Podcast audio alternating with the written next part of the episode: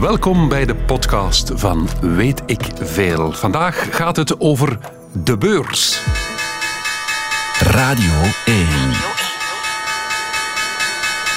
Weet ik veel met Kopen Ilse. En gedaan.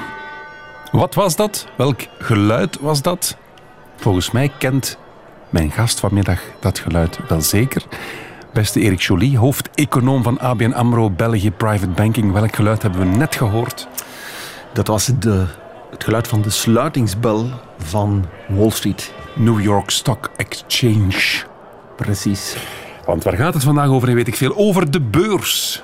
Oh, beste Erik. Welk aandeel moet ik kopen om stinkend rijk te worden? Voilà, dat wilde eigenlijk gewoon iedereen horen. Beste Kobe, ik denk dat we dat misschien aan het einde van deze uitzending kunnen verklappen. Is het waar? Heb je, een, heb je de tip?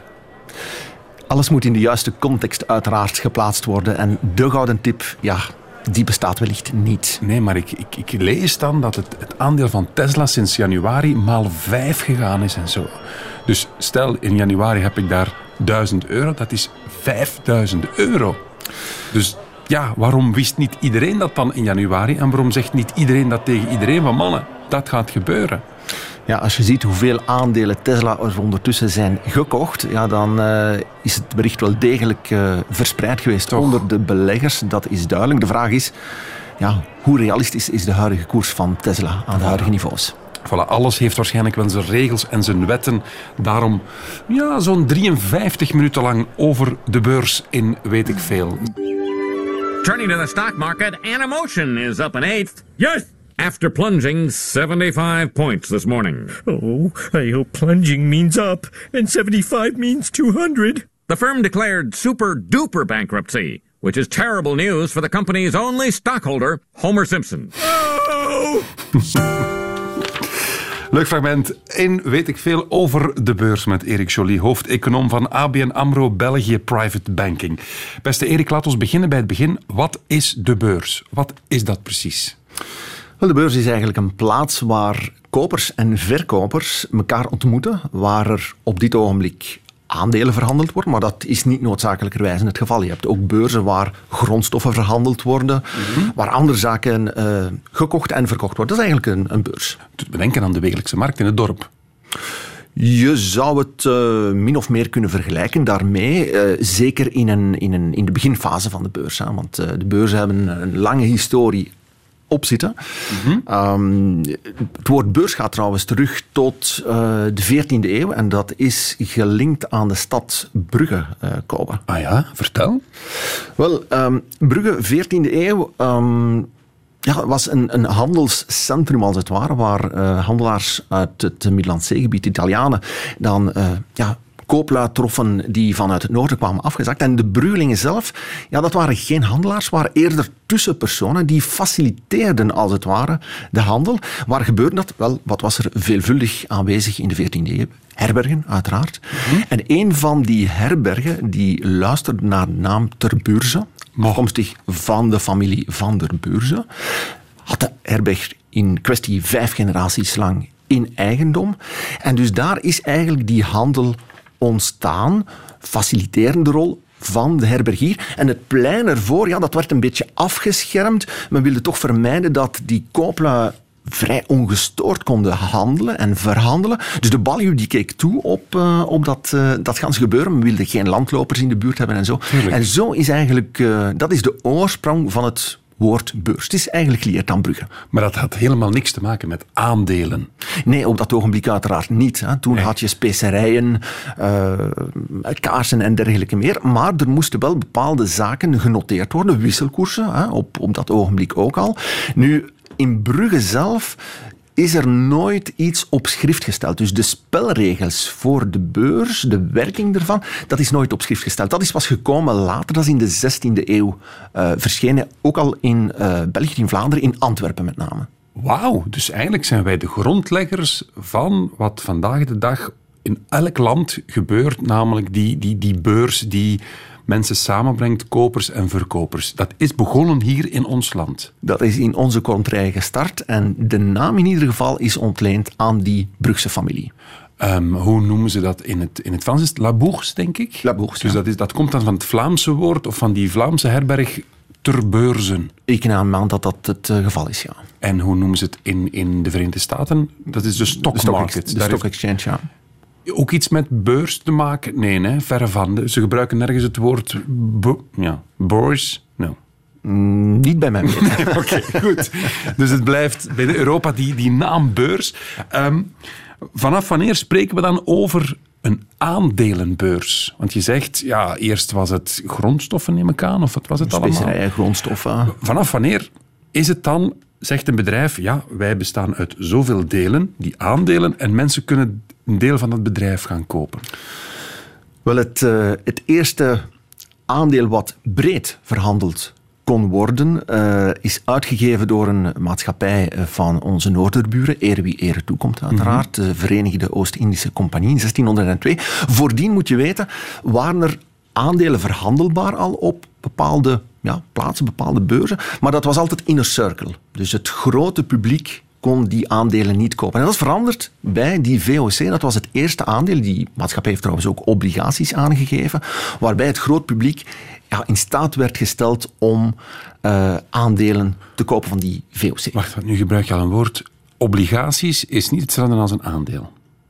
Nee, klopt. Eh, bij een aandeel, daar word je als het ware mede-eigenaar van het bedrijf. Met andere woorden, je gaat voor de lusten, uiteraard, maar je hebt ook de lasten. En Het verlies. het potentieel verlies, als, Bankro bank, bankroet te gaan, dat kan allemaal. dat, eh, dat behoort tot, eh, tot de mogelijkheden. En als ik een aandeel heb en een bedrijf gaat failliet, dan is dat aandeel niks waard.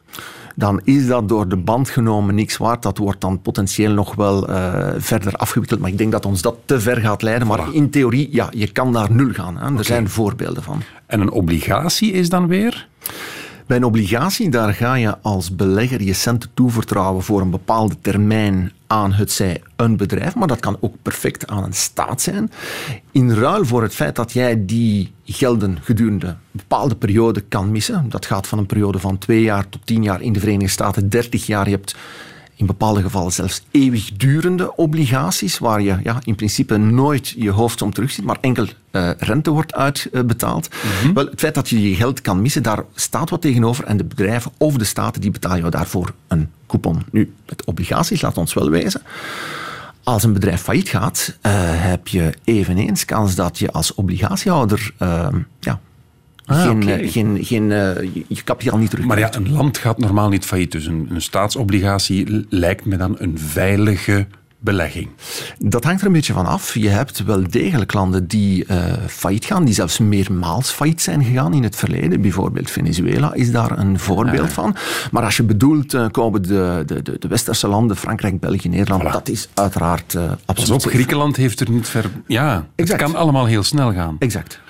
Oké, die New York Stock Exchange. Dat lijkt mij het mekka van de beurswereld. Klopt dat? Dat klopt inderdaad. Ehm, de New York Stock Exchange die is opgericht in 1792 door 24 handelaars. Ah, Die zijn samengekomen op Wall Street. Moet Waarom weten- Wall Street? Heeft dat een bepaalde reden? Ik denk dat de handel voordien ook al in die buurt zich afspeelde. En we wouden dat gaan institutionaliseren. En op Wall Street stond een fantastisch mooie, zegt de overlevering, plataan. En dat akkoord tussen die 24 handelaars is gesloten onder die plataan. Vandaar dat men refereert aan het Buttonwood Agreement. Ah. En wat, wat is daar dan beslist onder die 24 handelaars? We gaan die stock exchange oprichten. Ja, en we gaan de spelregels vastleggen. Wat zijn de voorwaarden waar een bedrijf moet aan voldoen om een notering aan te vragen? Eh, wie heeft toegang als makelaar tot die eh, stock exchange en dergelijke meer? En Brussel, wanneer zijn wij gevolgd? Wel, eh, officieel was er al een soort handel mogelijk rond 1800. Het beursgebouw, wat we vandaag nog kennen in de Prachtig Benedenstad, gebouw, fantastisch mooi gebouw, dat is in gebruik genomen in 1874. Ah ja, oké. En zo de handelsbeurs in Antwerpen, dat heet ook... Of dat is ook de beurs, maar dat was niet voor aandelen dan. Dat was voor, voor andere dingen. Of ook voor aandelen. Ja, wel, eh, gedurende de ganse tijd werden er ook bepaalde aandelen verhandeld Ah, op toch. de beurs van Antwerpen. Ah, want nu is het enkel Brussel, denk ik. Voor? België is het op dit ogenblik enkel Brussel. Oké. Ehm, mag ik dat zeggen dat de beurs bij heel veel mensen toch wat een negatieve, mm, een rare bijklank. Dat is voor speculanten, dat is voor mannen in strakke pakken en, en, en, en kapitalisten. Klopt dat? Ik denk dat het niet klopt. Ehm, in ieder geval, het is niet een plaats die gereserveerd is voor de happy few. Ik denk, als je vandaag naar de context kijkt, de beurs is veel toegankelijker geworden voor het uh, brede publiek en terecht ook. Uh, uiteraard, je moet altijd zeer omzichtig omspringen wat je met je centen doet, want we haalden het er net al aan. Uh, aandelen kunnen failliet gaan. gelukkig is dat een minderheid, want de meerderheid van de bedrijven doet het wel degelijk goed en daar, daar, daar zijn winsten mee te halen. Maar men heeft dat terecht opengesteld voor een breed publiek. Uh, trouwens, als je aan pensioensparen doet, wel ongetwijfeld onrechtstreeks in die pensioenspaarfondsen. Daar is beleg je in de beurs. Alleen je hebt het niet onmiddellijk zichtbaar op je fiche, maar je belegt in, in de beurs. En je kan ook beleggingsfondsen omkopen. Dus dat is perfect mogelijk. Dus heel veel mensen zitten op de beurs zonder het zelf te beseffen. Dat is mogelijk, ja, dat men dat niet uh, echt in de gaten heeft. Fortis staat meer dan ooit in de hoek waar de klappen vallen. Er rijzen steeds meer twijfels over de solvabiliteitspositie van de bankverzekeraar, wat het aandeel van Fortis nu al dagenlang doet kelderen. Vanmiddag trachtte Fortis de gemoederen te bedaren op een in der haast bijeengeroepen persconferentie. Topman Verwils benadrukte dat Fortis geen liquiditeitsprobleem heeft. Als je de waarde van onze retailbank, van de commerciële bank, van de private bank en van de verzekeraar optelt, dan bekom je een bedrag dat bijna het dubbele is in sommige schattingen dan de waarde die geïmpliceerd is door de beurskoers. Ja, de beurs. Ho, ho, wat is dat toch allemaal? Erik Jolies, vandaag bij mij hoofdeconoom van ABN AMRO België Private Banking in weet ik veel dus over aandelen, over beleggen. Beste Erik, uh, we hebben al geleerd dat, dat het eigenlijk allemaal begonnen is in Brugge. Mhm. Omdat de beurs is eigenlijk per definitie gewoon een plek waar kopers en verkopers elkaar ontmoeten. Maar is het ondertussen niet een beetje um, computers die computers ontmoeten geworden? Want wat die mensen, als ik beelden zie van de beurs in Brussel, dat zijn eigenlijk mensen achter computers. Het is heel, heel, heel hard geautomatiseerd, denk ik. Klopt dat? Dat, eh, eh, dat, klopt. Hè. Vroeger had je natuurlijk nog de... Om toegang te krijgen tot de beurs, tot het handelen van, eh, handelen van aandelen, dan had je, was er een speciaal beroep. Dat was het beroep van wisselagent. Dat mhm. bestaat ondertussen al lang niet meer. En ik moet je vertellen, als jobstudent heb ik nog het geluk gehad om in de tijd mee te gaan naar de vloer. Hè, waar de effectieve vloerhandel plaatsvond. Ja, dat is toch wel impressionant als je daar dan als twintig jarige tussenstaat. Maar in de, tussentijd, ja, is er heel veel eh, gewijzigd. Eh, op dit ogenblik is de beurshandel in, eh, in Brussel verloopt die compleet elektronisch. En ook in Wall Street, daar zie je dat ja, meer dan 90% is, is elektronisch gestuurd. Nu, je hebt daar nog wel een aantal makelaars die op de vloer uh, lopen te gesticuleren, gebarentaal gebruiken. Uh, waarom is dat wel? Om twee redenen. Eén, een aantal grote Amerikaanse zakenbanken vinden het gewoon een kwestie van prestige. Van goed, wij moeten daar nog iemand op de vloer hebben. En twee, ja, bepaalde deals zijn toch bijzonder complex. Daarvoor heb je nog een mannetje of een vrouwtje nodig, effectief op ja, ja, die beursvloer. Maar eigenlijk dat, dat, dat geld geven en iets in de plaats krijgen, echt de verkoop van iets, dat is volledig passé. Uh, klopt, ja. Want ik kan zelf tegenwoordig ook met, zelfs met mijn smartphone koop ik aandelen. Maar waar is dat aandeel dan? Wie heeft dat aandeel? Bestaat dat nog? Is dat een stukje papier? Want vroeger, ik herinner mij nog, mijn, mijn grootouders hadden aandelen, maar in de kluis bij de banken. Waar zijn die aandelen dan nu? Ja, die aandelen uh, en alle andere effecten die zijn uh, grotendeels gedemater gedematerialiseerd. Sorry. Dat betekent, ja, die worden gewoon bijgeschreven op een rekening. Hè? En die rekening is perfect toewijsbaar aan jou. En als jij via een, een app een aandeel koopt, dan zal je dat zien verschijnen op jouw rekening die aangehouden wordt bij een financiële instelling. Mm -hmm. Alleen je kan dat aandeel, je kan dat niet meer fysiek gaan opvragen. Dat staat op die rekening elektronisch. Wat het voordeel... Een effectenrekening, als ik het goed heb. Dat is een effectrekening. Ja. Die heb je nodig als je wil handelen in, in aandelen of obligaties of fondsen. Ja, het is dus allemaal een beetje virtueel. Want het zijn eentjes en nulletjes. Het is niet meer, ik kan niet meer bewijzen dat ik op een of andere manier eigenaar ben van een deel van een bedrijf.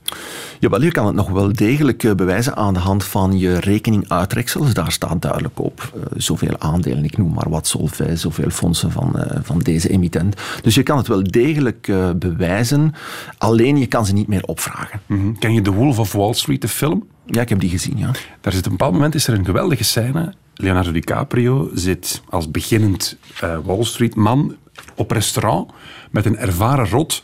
En die legt uit hoe hij, die ervaren rot dus, de beurs ziet. Number one rule Wall Street. Nobody. I don't care if you're Warren Buffett or if you're Jimmy Buffett. Nobody knows if the stock is going to go up, down, sideways, or in fucking circles. Least of all stockbrokers. Right? It's all a fugazi. You know what a fugazi is? No. Fugazi. It's a uh, fake. Yeah, fugazi, fugazi. It's a wazi. It's a woozy. It's a fairy dust. It doesn't exist. It's never landed. It is no matter. It's not on the elemental chart. It, it's not fucking real. Right. All right. It's not fucking real. Dus de waarde van een aandeel is iets. Je kan dat niet. Dat is niet te vatten. Want het zijn. Het hangt in de lucht. Het is een waarde. Maar die stijgt en die daalt. Daar staat geen geld tegenover. Klopt dat? Ik denk dat je de, de, de waarde van een aandeel kan je natuurlijk nooit tot op de eurocent of de eurodollar waarderen. Maar waar gaat het in, in C over? Als je een aandeel koopt van een bedrijf, dan uh, ga je ervan uit dat dat bedrijf winst gaat maken. Hè.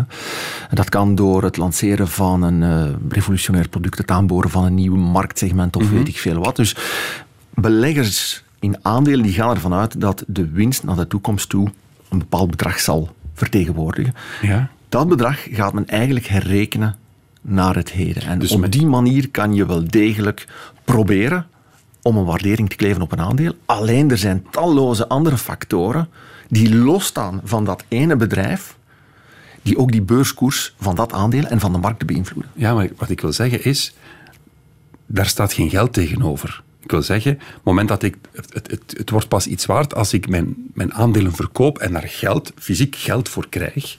Maar zolang dat ik dat niet doe, is een waarde toch iets heel vluchtigs. Dat kan, dat kan met één tweet van de CEO, kijk naar Tesla, kan dat dan 20% op en af gaan. Dat blijft toch iets, iets heel wolligs, iets ja, speculeren. Want misschien dat ze in de toekomst ooit wel eens winst gaan maken, dus we gaan nu al een aandeel kopen. Dat, dat lijkt mij een zeer virtuele wereld waarin u, u continu zit. Wel, het is niet zo virtueel als je zou uh, kunnen denken op het eerste gezicht. Hè. Uh, kijk, ik denk dat, dat de beurs in ons aller leven meer aanwezig is dan we op het eerste gezicht denken. Hè. We nuttigen van, vanmorgen een koffie. Die koffie is ergens gekocht. Wel, 9 kansen op de 10 is dat gekocht in een groot warenhuis. Een distributeur die beursgenoteerd staat. Je komt met de wagen naar hier. Oké, je wagenproducent staat genoteerd. Je gaat fitnessen. Er zijn ook fitnessketens. Denk aan Basic Fit. zijn beursgenoteerd. En nadien voel je je moe. Dus je gaat een aantal vitaminesupplementen kopen in de farmacie. Wel, ook daar heb je uh, producenten voor. Dus de beurs is wel degelijk verweven met ons dagelijks leven. Alleen hebben we het niet onmiddellijk allemaal helder klaar en hebben het allemaal door.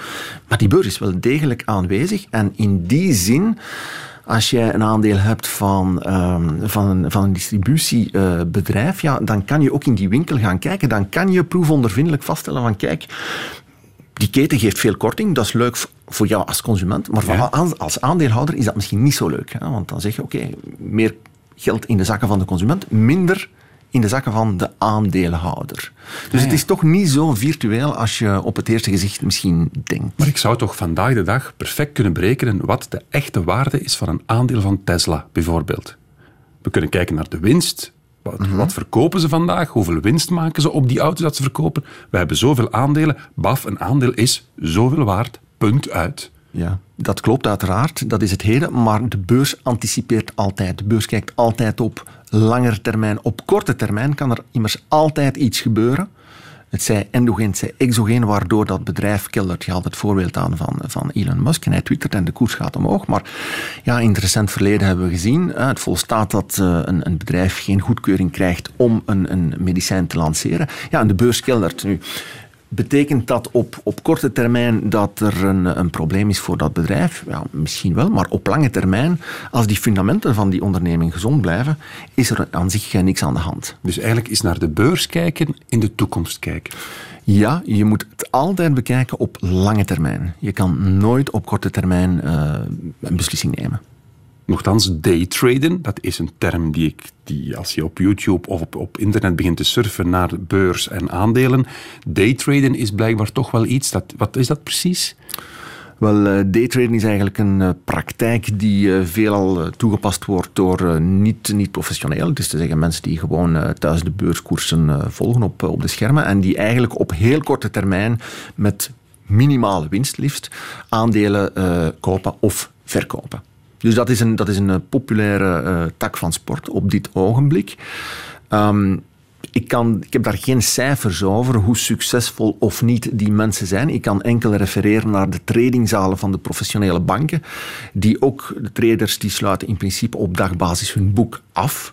Wel, als zij erin slagen, als een meerderheid van de traders erin slaagt op dagbasis om winst te boeken, wees het op de, op de wisselkoers of rente of wat, wat dan ook wel, dan is de bank zeer tevreden. Dus ja, daytraden, het is een populair term. Ik, ik zou willen weten wat de succesratio daarvan is in de praktijk. Ja, daar heb ik geen cijfers Als je het internet mag geloven, zit, er, zit, zit het vol met succesverhalen. Maar het is dus gewoon, s morgens koop ik een aandeel van de lijzen, dat stijgt 3% die dag. Ik verkoop het onmiddellijk die dag zelf nog en ik steek die 3% in mijn zak. Dat is eigenlijk daytraden. Ja, klopt. En daar bevindt u zich tussen. Met, met, met uw grote fondsen, met het geld dat u krijgt van uw klant, begint u, begeeft u zich in dat slagveld van, van gokkers. Absoluut niet. Niet? Niet. Want u koopt toch misschien ook wel het aandeel van de lijzen? Dat is best mogelijk. Alleen gaan we altijd kijken naar de lange termijn perspectieven van het aandeel in kwestie, van het bedrijf in kwestie. Je kan nooit, ik zei het daarnet al, je kan nooit voorspellen wat er, wat er straks gebeurt op, eh, op de beurs. En dan moet je echt wel uh, goed in je schoenen staan om niet toe te geven aan de paniek, die er dan soms uitbreekt. Eh, weet ik veel, straks komt er een bericht uit de Verenigde Staten, een macrobericht of een politiek bericht. Vandaag was de beurs bijvoorbeeld goed georiënteerd, omdat er hoop was enerzijds op een vaccin, twee, omdat uh, ja, er, er, ook hoop is dat dat handelsconflict, wat nog altijd sluimert tussen de VS en, en, China, dat dat mogelijk zijn oplossing zou kunnen krijgen. En je ziet onmiddellijk ja, een, een, een mooie beursdag. Maar hetzelfde geld komt er negatief nieuws. Ja, en als je dan met een zeer kort termijn perspectief gaat beleggen, dan kan het best van die kant aflopen. Maar Erik, dan weet toch eigenlijk niemand, niemand wat er gaat gebeuren. Want je, niemand heeft een glazen bol. Dus niemand kan toch zeggen, dat aandeel moet je kopen of dat moet je doen, want dat gaat gebeuren. Nee, want er kan altijd wel iets voorvallen waardoor je los de, de, de, de grond ingaat. Mijn job is een les in permanente nederigheid. Snap ik. Al zware vergissingen gehad? Als ik naar mezelf kijk, ja. Um, ik was uh, beginnend uh, vermogensbeheerder. En ik had in een uh, tijdschrift een fantastisch artikel gelezen over een veelbelovend technologisch bedrijf. Ehm, fout die ik maakte. Ik heb enkel gebaseerd op dat ene artikel. Ik had mhm. beter moeten weten, maar ik was er helemaal eigenlijk eh, van overtuigd van dit kan niet stuk gaan, enzovoort, enzovoort. Wel, om een lang verhaal kort te maken, uiteindelijk is het aandeel naar nul gezakt. Dus ik ben mijn inlage kwijt. Dus ik zou zeggen, ja, maak, maak je huiswerk. En vooral ook probeer te beleggen in datgene wat je kent. Als je zegt van goed, ik ben geïnteresseerd in, uh, ik zeg maar wat het aandeel Volkswagen. Goed, ga eens een, een proefritje maken met, met een Volkswagen om te kijken dat die wagen uh, voldoet aan, aan je verwachtingen. Hoe zit de prijs? Enzovoort. Dus ik denk, dat is van belang. Uh, Als ik een aandeel van Colruyt wil kopen, zeg je, ga shoppen in Colruyt. Ik zou dat eens doen, ja. Serieus? Ik, ik zou dat, ik zou dat absoluut, absoluut doen. En dan een derde regel dat heb ik net al gezegd, beleg enkel met geld wat je kan missen voor de lange termijn. Ik refereer even naar de beurscrash van 1929. Ja. Toen heeft het geduurd tot 1954, vooraleer de koersen opnieuw op het niveau stonden van voor de crash. Ja. Nu, oké, het was een ganz andere tijd, maar toch, de regel is beleg met centen die je de eerste 7, 8 jaar niet nodig hebt. En dan drie, leg niet alle eieren in één mand. Als ik mag, ga ik een heel simplistisch voorbeeld geven. Ja. In een vereenvoudigde wereld waren er op de beurs maar twee bedrijven genoteerd staan. Het ene bedrijf fabriceert zonnecrème en het andere fabriceert regenschermen. Stel dat we voor in de lente hè, hebben Ja. wij alle twee het, eh, het aandeel gekocht wat de regenschermen produceert. We hebben een fantastische, een fantastische zomer gehad. Het antwoord laat je raden. Je hebt er eigenlijk... We zullen een slechte beslissing genomen hebben. Want het zal het aandeel zijn van de zonnecrème die veel winst zal maken en waarvan de koers zal gestegen zijn. Dus hoe kan je dat vermijden? Wel, koop een beetje van de twee. Dit is heel simplistisch. De realiteit is nog een stuk complexer. Je hebt een tiental, elftal verschillende sectoren waar je kan in beleggen gaande van de IT over de pharma, over de financiële sector. En als je het dan helemaal goed wil doen, ja, beperk je niet, beperk je niet tot België, maar kijk in Europa, kijk naar de Verenigde Staten en kijk ook in China. Dus je moet ook regionaal gaan diversifiëren, zoals dat met een geleerd woord heet. Maar wie heeft daar tijd voor? Daarvoor stap je toch naar de bank? Of naar een beleggingsfonds of eender wat, ja. Ja, dat, eh, dat klopt. Eh, het, is, het is niet makkelijk om vandaag de dag ehm, alle informatie te verwerken. Want ja, de wereld is een, een dorp geworden. Eh, alle informatie is quasi ogenblikkelijk beschikbaar voor ieder. En dat is goed. Maar tegelijkertijd moet je dat ook allemaal kunnen verwerken. En als ik zie wereldwijd hoeveel mensen ermee bezig zijn om al die info te verwerken, eventueel in modellen te gieten en daar besluiten aan vast te knopen, ja, dat, is niet, dat is niet bij te houden. Dus ik denk dat het een heel moeilijke job is om dat persoonlijk op je eentje te doen. Radio 1. Weet ik veel? Beste Erik Joly, hoofdeconoom van ABN AMRO België, Private Banking. Want ja, de beurs, het is iets bijzonders. Begonnen in Brugge. We hebben al geleerd dat het eigenlijk toch wat voorspellen is van de toekomst. Dus dat het toch altijd een bepaald risico heeft, want geen enkel bedrijf staat garant voor winst, denk ik. Hè? Klopt, inderdaad. Zelfs Amazon, wat nu blijkbaar, of Apple, de, de machtige blokken, die kunnen ook falen. Absoluut. Kijk naar de bankencrisis van 2008. Banken die kunnen ook falen. Klopt.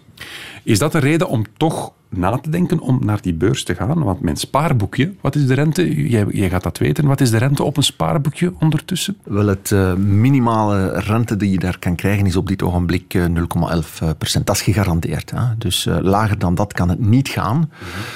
Ehm, maar ja, dat is natuurlijk een, een probleem. Op dit ogenblik is de inflatie weliswaar heel laag, ehm, als gevolg van corona. Maar zelfs dan, eh, als, je, als je er nu vanuit zou gaan dat je ongeveer een half procent eh, inflatie hebt, wat heel weinig is, en dan zet je dat af ten opzichte van die ja, 0,11, maak er 0,15 van wat mij betreft, omdat je hebt ook een aantal prijsbrekers die iets hoger rente geven, maar laten we zeggen 0,15 tot 0,5.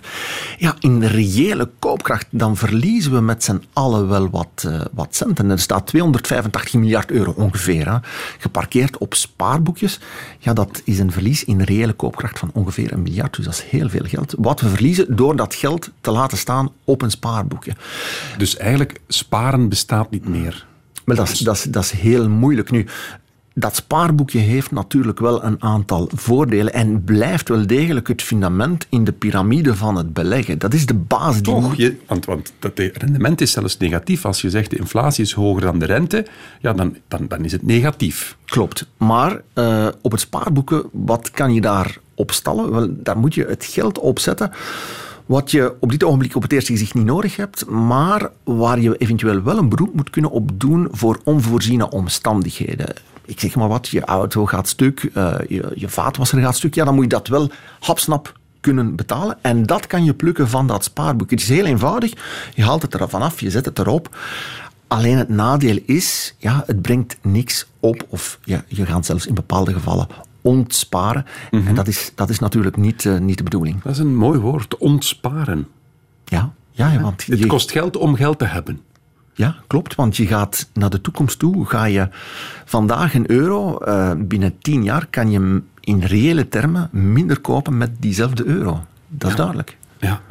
Wat is dan volgens jou, hoofdeconoom, wat is dan volgens jou een goede belegging op dit, of een, goed spaar, een goede manier om geld te sparen? Wel, ik zou nog even terug willen komen op dat spaarboekje. Je moet dat bekijken als een soort ijzeren reserve. Welk bedrag ga je daar opstellen? Wel, is een beetje een vuistregel. Voor de mensen die werken zou ik zeggen tussen de drie en de zes maanden maandwedden. Voor de mensen die niet meer actief zijn in het beroepsleven, wel kijk eens na wat is jouw levenskost op maandbasis en vermenigvuldig dat wat mijn part Weet je dat? met eh, zes... Wat, wat jouw leven kost op maandbasis? Je kan dat, je kan dat uh, mits enig rekenwerk kan je dat wel achterhalen. Een beetje boekhoudkundig uh, nacijferen. Wat kost gas, telecommunicatie, ja, ja, okay, uitgaven. Ja, op die manier. Dus op die manier kan je daar... En daar, dat is de basis. Hè. Dus het heeft zijn voordelen, maar het heeft ook uiteraard zijn, zijn nadelen. En dan hebben we nog wat, wat geld over. Wat, wat doen we daar dan mee om daar toch iets van ja, rendement op te halen. Wel, de volgende laag die je erboven plaatst, in principe, uh, ga je eens kijken naar obligaties. Hè. Daar, dat, dat is geld wat je iets langer al kan missen. Hebben is iets gelezen? risicovoller. Obligaties is, je geeft geld aan een overheid of een bedrijf en in ruil krijg je na x aantal jaren dat geld terug met rente elk jaar. Klopt. Dat is een obligatie. Klopt. Okay. En dan de derde... Uh, ja, trap van je, van je drietrapsraket, uh, dan komen de aandelen. Ja, dat is het meest risicovolle op termijn.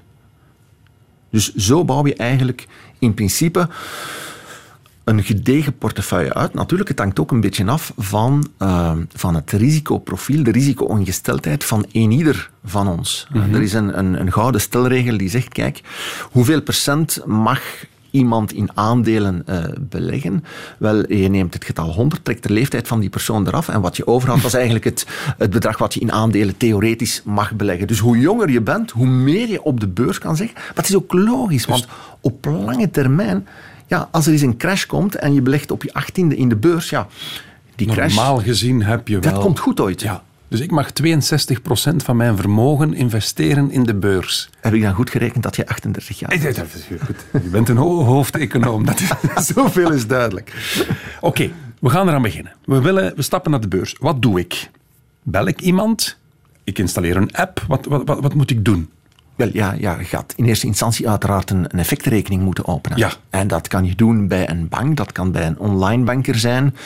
Dat kan via een app zijn. Je hebt mogelijkheden te over om die eerste stappen te zetten op de beurs. Tegenwoordig, Robinhood, hoor ik, een app waar je gratis mee kan beleggen. Ja, klopt. Is bijzonder populair in de Verenigde Staten, in uh, Canada.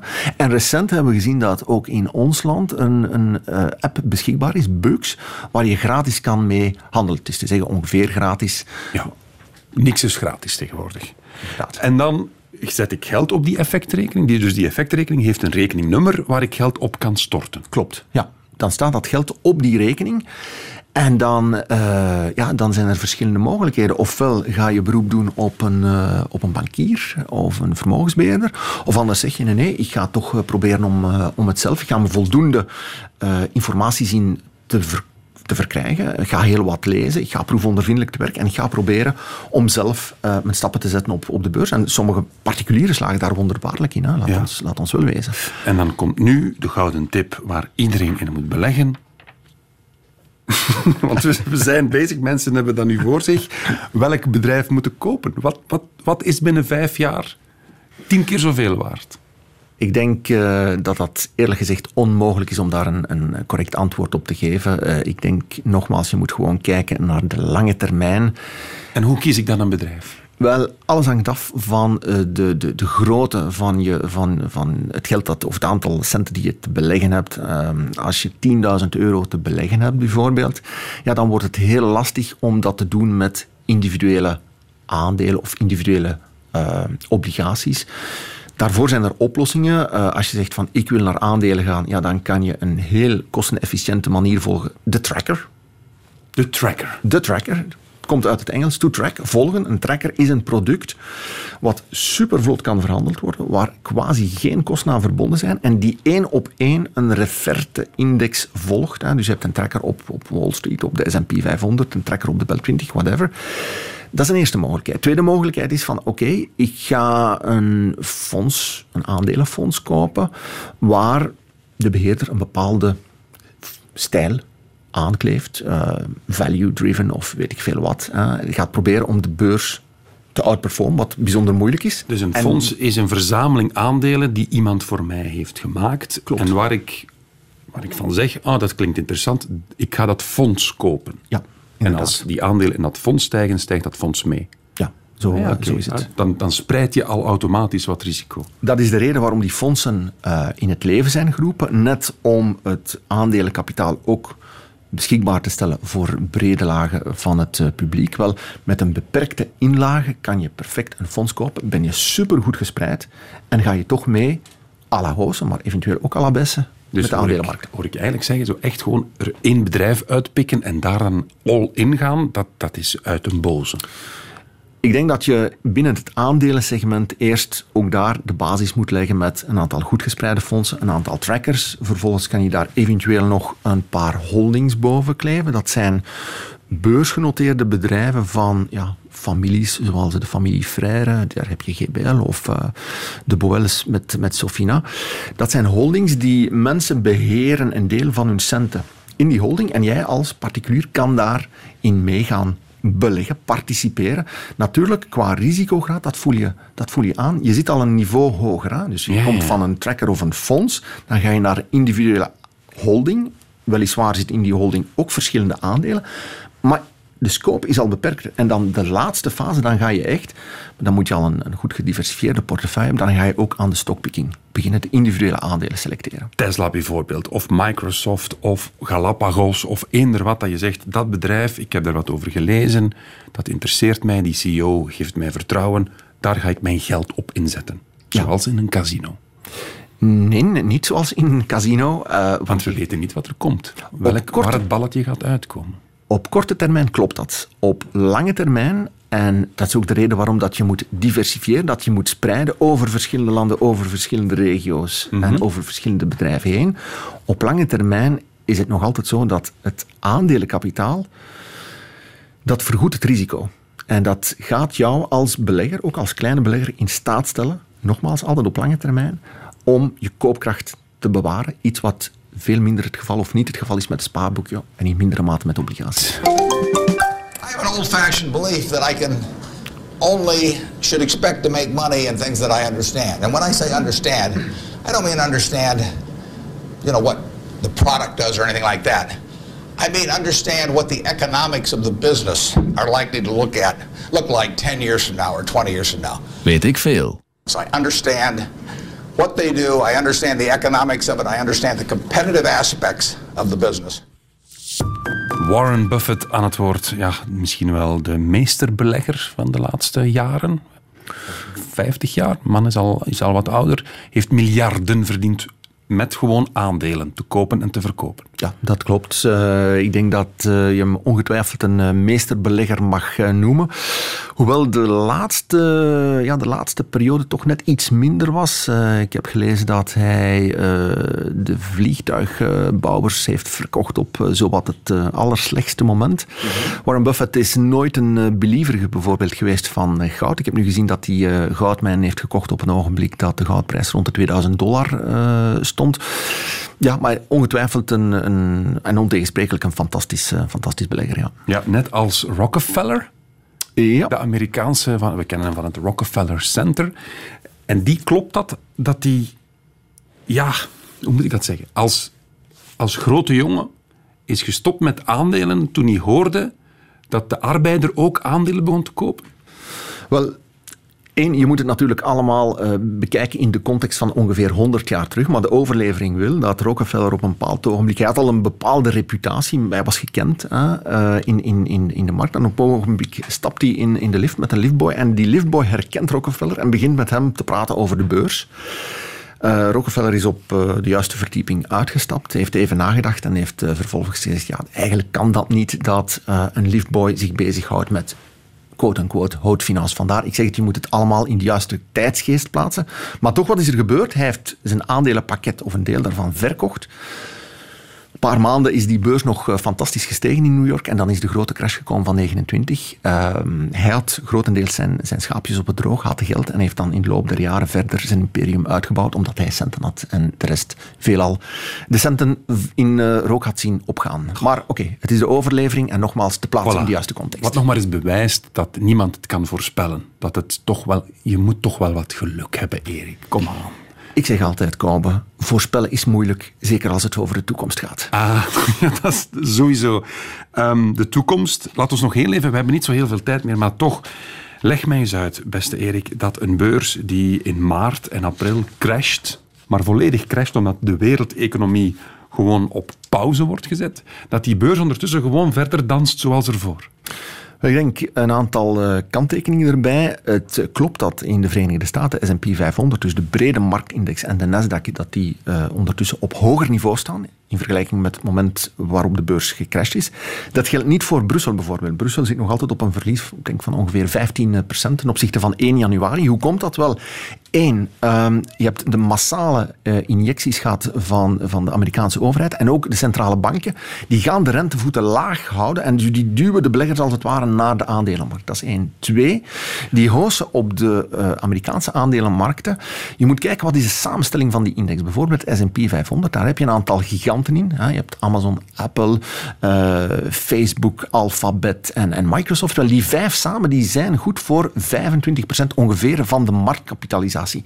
En het is nu net zo dat heel wat beleggers die aandelen gekocht hebben, omdat ze zeggen, ja, kijk, dat coronavirus dat gaat onze manier van werken toch wel beïnvloeden. De thuiswerkeconomie wordt belangrijk. Ah, okay. En daardoor zijn met name die Amerikaanse aandelen fors gestegen.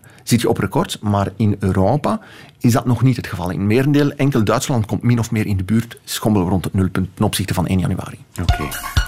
Weet ik veel. Beste Erik, jammer genoeg eindigt dit uurtje over de beurs. Maar heb ik goed geluisterd? Een paar vraagjes, alsjeblieft. Eén, hoe heeft de beurs zijn naam gekregen in de middeleeuwen? Uh, van de familie van der Beursen, een herberg in Brugge. Juist. Klopt, hè? Klopt. Ja. Twee, hoe lang duurde het na de beurscrash van 29 tot de koersen opnieuw hetzelfde niveau haalden? Tot 54, dacht ik. Twee op twee. Drie, is een obligatie volledig zonder risico? Nee, want een bedrijf kan failliet gaan. En een overheid ook, Venezuela. Absoluut. Ja, ja. Vier. Welk soort rekening heb je nodig als je aandelen of fondsen wil kopen en verkopen? Een effectrekening. Dat was een makkie. Ja. Nog eentje? Ja. Wat is daytraden? Daytraden is op de dag zelf iets kopen of verkopen of verkopen en dan terugkopen. En heel risicovol. En je zijn tijdens de plaat komen onder ons gezegd en gezwegen, vooral, ze verliezen vooral. Juist, hè? Inderdaad. Joepie, 5 op 5. Dat is de eerste keer dit seizoen. Waarvoor dank, beste Erik. Nog heel kort, nog 25 seconden. Erik, je zei, ik kan geen concrete tips geven, want mensen luisteren misschien met, ach, nu ga ik het horen, maar jij mag dat niet doen. Waarom niet? Ja, dat klopt. Ik, uh, ik mag enkel uh, advies geven in het kader van een contract wat wij afsluiten met, uh, met onze klanten. Dus ik kan moeilijk zeggen van koop dit aandeel of dat aandeel. Dat is de reden, Koba. Jammer. Maar straks, tijdens het nieuws, mag je mij warm Uiteraard. Oké, okay, goed. Luisteraar, tot morgen voor een andere Weet ik Radio 1 Weet ik veel?